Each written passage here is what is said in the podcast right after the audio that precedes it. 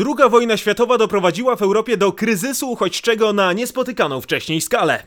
W związku z przemianami politycznymi na wschodzie kontynentu ponad milion osób nie zdecydowało się wrócić do swoich domów. Często była to walka o przeżycie, ponieważ w rodzinnych stronach czekały ich represje ze strony komunistycznych reżimów. Jak Europa i świat poradziła sobie z gigantyczną migracją ludności po 1945 roku, tego dowiecie się oglądając najnowszy odcinek serii Po wojnie. Jak co tydzień informuję, że na stronie powojnie.sklep.pl dostępna w sprzedaży jest moja debiutancka książka. A teraz zapraszam na najnowszą odsłonę mojej serii.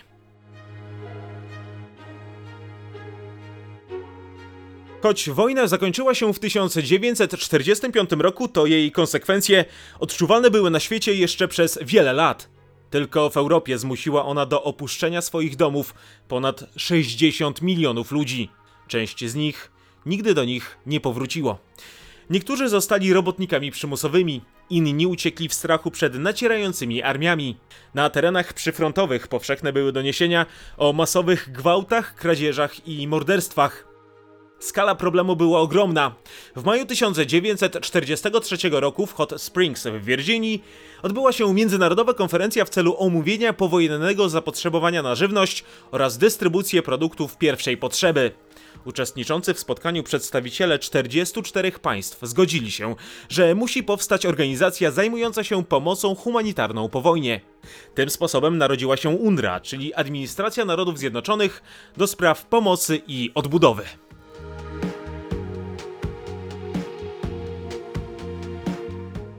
Na mocy umowy podpisanej między generałem Dwightem Eisenhowerem i Herbertem Lehmanem, dyrektorem Administracji Narodów Zjednoczonych, do spraw pomocy i odbudowy UNRWA została podporządkowana Naczelnemu Dowództwu Sojuszniczych Sił Ekspedycyjnych. Efektem porozumienia z 1944 roku było stworzenie specjalnych planów postępowania z uchodźcami. Równocześnie UNRWA przejęła administrację nad sześcioma obozami dla uchodźców w Egipcie, Palestynie i Syrii. Przybywało tam prawie 40 tysięcy ludzi. Organizacja posiadała też swoje biuro w Chinach, gdzie pomagała Chińczykom w powrocie do swoich domów z Birmy, Malajów oraz północnego Borneo. Gdy na starym kontynencie w końcu zakończyła się wojna, okazało się, że pomocy potrzebuje ponad 11 milionów przesiedlonych osób. Większość z nich, aż 8 milionów, znajdowało się w Niemczech. Przesiedleńcy byli często niedożywieni. Część z nich przeżyło tylko dlatego, że swoimi zapasami żywności, a także lekarstwami i odzieżą dzielili się z nimi żołnierze. Panoszyły się choroby. Tymczasem brakowało pomocy medycznej, przez co wiele osób umarło. Pierwotny plan dla przesiedleńców zakładał jak najszybszą repatriację do krajów pochodzenia. Początkowo wszystko zdawało się być pod kontrolą. Do września 1945 roku każdego dnia z Niemiec do swoich ojczyzn wyjeżdżało ponad 30 tysięcy ludzi. Pociągi jeździły niemal bez przerwy. Misje wojskowe różnych sprzymierzonych krajów pracujące przy dowództwach armii brytyjskiej, francuskiej i amerykańskiej pomagały w sortowaniu i klasyfikowaniu przesiedleńców własnej narodowości. W pierwszych miesiącach do domów najszybciej wysyłani byli więc ci, których najłatwiej było zidentyfikować. Obozy dla przesiedleńców powstawały wszędzie tam, gdzie było to tylko możliwe. Zajmowane były w tym celu m.in. dawne koszary wojskowe, schroniska, szpitale, hotele, lotniska, a nawet zamki i prywatne domy. Problem dotyczył tak dużej grupy ludzi, że kwatery organizowane były też w zniszczonych częściowo budynkach. Tym sposobem do końca 1945 roku na terenie Niemiec, Austrii oraz Włoch powstały setki ośrodków repatriacyjnych. Wyrwanie się z piekła wojny nie oznaczało jednak dla wielu osób końca horroru, który sprowadził na Europę Hitler. Ciągle panował głód. Warunki sanitarne i opieka medyczna w obozach zapewnione były jedynie w minimalnym stopniu. Żyjąc w ciągłej traumie u wielu osób rozwijały się choroby psychiczne. Poza tym zdarzały się sytuacje, gdy obok siebie kwaterowani byli żydowscy więźniowie obozów koncentracyjnych z ludźmi, którzy pomagali Niemcom w mordowaniu Żydów. Mimo wszystko niektórzy starali się żyć normalnie. W kolejnych miesiącach i latach w ośrodkach powstały improwizowane kościoły, szkoły, a nawet uniwersytety. 23 maja 1945 roku przedstawiciele Stanów Zjednoczonych, Wielkiej Brytanii oraz Związku Radzieckiego podpisali w niemieckim Halle porozumienie w sprawie repatriacji cywilów i jeńców wojennych. Już latem tego samego roku padł rekord pod względem przewiezionych osób. W tym czasie trwały również przymusowe repatriacje, co dotyczyło przede wszystkim Rosjan. Do początku lipca aż półtora miliona radzieckich obywateli powróciło do Związku Radzieckiego. Zgodnie z postanowieniami jałtańskimi do ZSRR mieli zostać odesłani Rosjanie, którzy dotychczas przebywali na zachodzie, niezależnie od powodu pobytu. Tym sposobem na wschód, prosto do łagrów, powróciły osoby, które jeszcze przed 1917 rokiem uciekły przed komunistycznym reżimem. Przymusowej wywózki Rosjan odmówił jedynie książę Liechtensteinu Franciszek Józef II. Tym sposobem ocalił od represji, a nawet śmierci 500 dezerterów z rosyjskiej armii wyzwoleńczej, którzy poprosili go o azyl. W innych krajach Rosjanie nie mieli tyle szczęścia. Do Związku Radzieckiego powróciło łącznie 5,5 miliona osób. Ale przymusowa wywózka dotyczyła nie tylko Rosjan. W marcu 1946 roku, czyli 10 miesięcy po zakończeniu wojny w obozach dla przesiedleńców w Niemczech, wciąż mieszkało około 400 tysięcy Polaków i 150 tysięcy Estończyków, Łotyszy, a także Litwinów. W obozach przebywało również ponad 200 tysięcy Ukraińców. Sowieckiemu rządowi bardzo zależało na ich szybkim powrocie na wschód. W zniszczonym kraju brakowało taniej siły roboczej, potrzebnej do odbudowy zdewastowanej gospodarki. Kreml nie rozróżniał deportowanych na posiadających sowieckie obywatelstwo oraz tych pochodzących z krajów włączonych do ZSRR po wojnie. Stalin miał jednak poważny problem, ponieważ międzynarodowa umowa z aliantami zachodnimi nie precyzowała, kim w takich okolicznościach jest sowiecki obywatel. Szczególnie duży problem był z mieszkańcami przedwojennych terenów Polski, znajdujących się za linią Kerzona. Stosując wytrych prawny, Amerykanie wspólnie z Brytyjczykami uznali, że sowieckimi obywatelami są wyłącznie ci, którzy zamieszkiwali Związek Radziecki w chwili wybuchu II wojny światowej. Taka interpretacja przepisów zdecydowanie nie podobała się w Moskwie.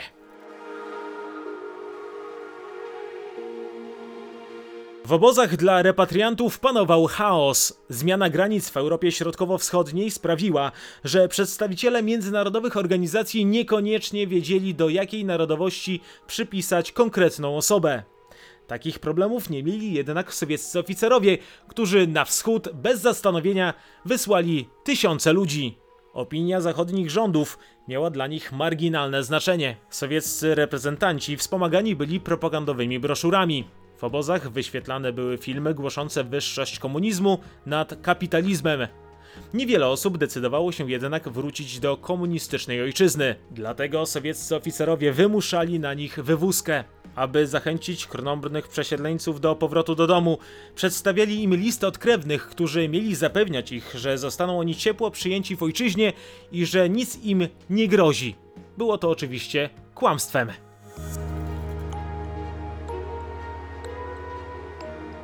Jednocześnie, jako że alianci zachodni odrzucili roszczenia strony sowieckiej co do państw bałtyckich, alianccy urzędnicy odmawiali repatriacji uchodźców z Litwy, Łotwy i Estonii wbrew ich woli.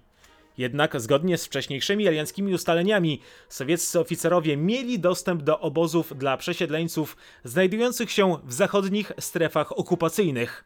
Również i tam dochodziło do licznych nadużyć. Zatrzymywane i zmuszane do wyjazdu na wschód były osoby o słowiańsko brzmiących nazwiskach. Początkowo zachodni alianci przymykali na to oko. Jak wiele osób zostało w ten sposób potraktowanych, ciężko jest obecnie ustalić. Zjawisko musiało być jednak na tyle powszechne, że do końca 1945 roku Waszyngton podjął decyzję, że w amerykańskiej strefie okupacyjnej zakazana jest przymusowa repatriacja. Mimo to aż do połowy 1947 roku dochodziło do nielegalnego procederu. Rosjanie przekonywali, że zatrzymywane przez nich osoby są albo zbrodniarzami wojennymi, albo niemieckimi kolaborantami. Obawy co do powrotu w rodzinne strony były jak najbardziej uzasadnione. Uchodźcy repatriowani do Jugosławii zostali później poddani torturom. Część z nich potem zginęła. Podobnie było w przypadku wielu Polaków, którzy po powrocie zostali niemal natychmiast aresztowani. W najgorszej sytuacji znaleźli się uczestnicy powstania warszawskiego i członkowie państwa podziemnego. Niechętnie do kwestii powrotu odnosili się też Węgrzy przebywający w obozach w Austrii. Do Białego Domu, amerykańskiego kongresu, a także ONZ-u trafiały tysiące listów z prośbami o pomoc od osób, które nie chciały wrócić do swoich domów ze względu na możliwe represje i panujące na wschodzie głód oraz biedę.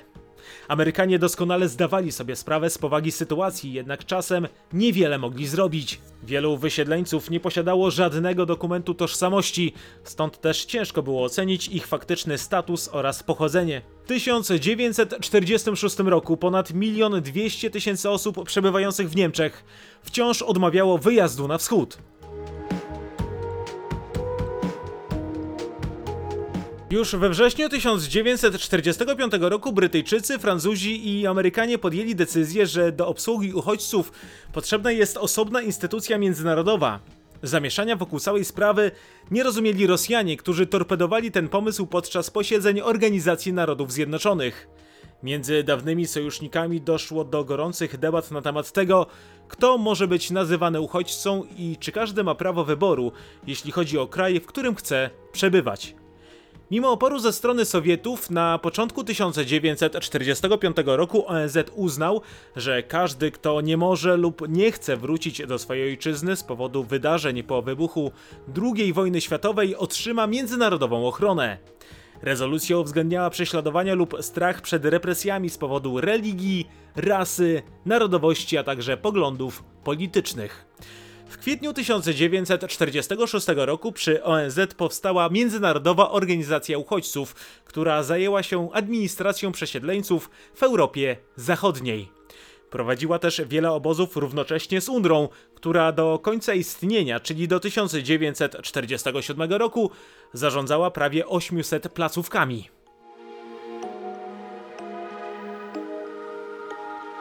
Mówiąc o przesiedleńcach i imigracji po 1945 roku, trzeba też poruszyć wątek niemiecki. Miliony Niemców mieszkających wcześniej na Prusach Wschodnich, Pomorzu oraz na Śląsku w obawie przed Rosjanami uciekło na zachód, porzucając swoje domy i gospodarstwa.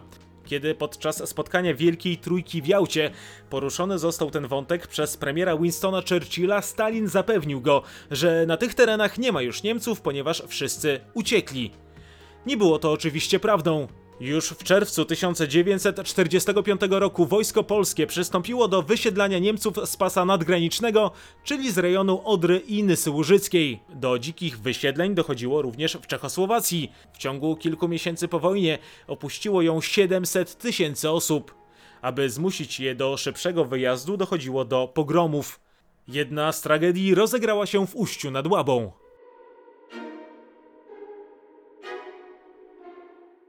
Miasto do połowy XX wieku było zamieszkałe w zdecydowanej większości przez sudeckich Niemców.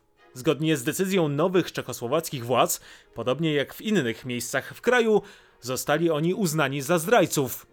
31 lipca 1945 roku około godziny 15.30 w mieście doszło do wybuchu składu amunicji. W wyniku eksplozji zginęło 27 osób. Winnymi tragedii uznani zostali Niemcy, bardzo łatwo można było ich rozpoznać, ponieważ mieli obowiązek noszenia na ramieniu opasek z literą N. Bezbronni ludzie zaczęli być atakowani i bici. Niektórzy zostali zrzuceni z mostu. Łącznie zginęło około 100 osób. W tej sprawie nikt nie został jednak skazany, ponieważ specjalna komisja śledcza powołana do jej zbadania uznała, że to niemieccy dywersanci doprowadzili do wybuchu w składzie amunicji, co miało usprawiedliwić uliczny pogrom. Tymczasem, jak wskazują dokumenty odnalezione przez czeskich historyków, prowokatorami zamieszek i sprawcą wybuchu w składzie amunicji były osoby związane z czechosłowackimi tajnymi służbami.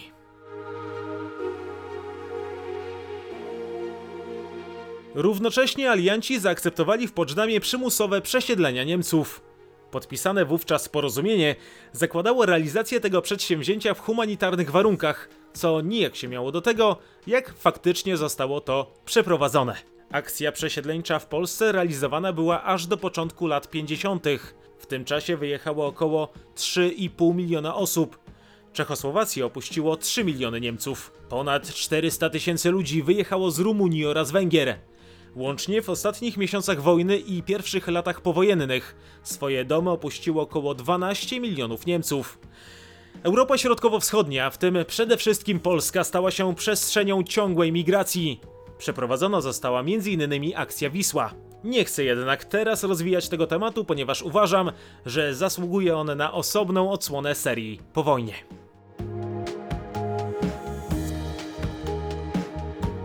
Pierwszym krajem, który przyjął szeroko zakrojony program imigracyjny była Belgia. Do końca 1947 roku osiedliło się w tym kraju ponad 20 tysięcy osób. Większość znalazła zatrudnienie w kopalniach węgla. W dalszej kolejności w ramach różnych programów importu siły roboczej ponad 80 tysięcy osób przyjechało do Wielkiej Brytanii.